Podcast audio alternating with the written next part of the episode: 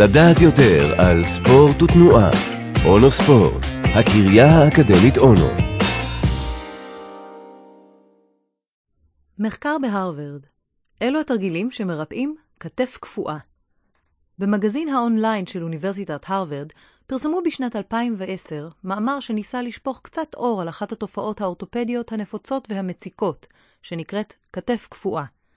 כתף קפואה היא מצב של כאבים, נוקשות ועיבוד טווח תנועה במפרק הכתף. התופעה מופיעה לרוב בין הגילאים 40 עד 60, ונשים סובלות מהתופעה יותר מגברים. הכתף מועדת לפורענות מכיוון שזהו המפרק התנועתי ביותר בגוף, והרקמות הרכות בו פגיעות, ולכן הסיבה לתופעה היא ככל הנראה התרחבות של רקמות רכות במפרק הכתף, כמו הקפסולה, רצועות וגידים כתוצאה מטראומה או דלקתיות שנגרמת משימוש יתר במפרק. הכאבים שמלווים כתף קפואה עשויים לחלוף תוך זמן קצר יחסית, אבל הנוקשות ועיבוד טווח התנועה יכולים להימשך עד שנה. אז נשאלת השאלה, איך מזרזים את הריפוי, והאם זה בכלל אפשרי?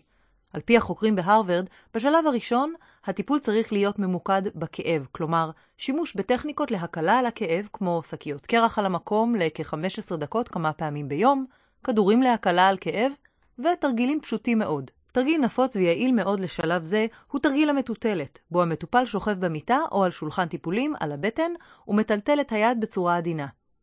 השלב הבא הוא הגדלת טווח התנועה של מפרק הכתף על ידי מתיחות פסיביות לאחר שהכאב חולף. על המתיחות להתבצע עד מקסימום טווח התנועה, אבל במינימום כאב. דוגמאות לתרגילי מתיחה כאלה הן משיכת היד בעזרת מגבת על ידי היד הבריאה מאחורי הגב, טיפוס עם היד הפגועה במעלה הקיר תוך שימוש במגבת או כדור, מתיחת הקפסולה האחורית של מפרק הכתף הפגועה על ידי היד הבריאה, עמידת שש על מזרון והבאת הישבן לכיוון הרגליים תוך מתיחת מפרק הכתף.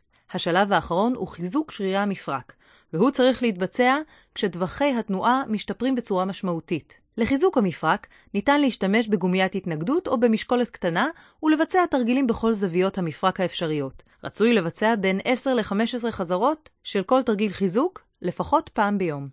אין ספק שכתף קפואה היא מצב מעיק מאוד, אבל חשוב להבין שביצוע תרגילים מוקדם ככל האפשר עשוי לזרז את תקופת ההחלמה.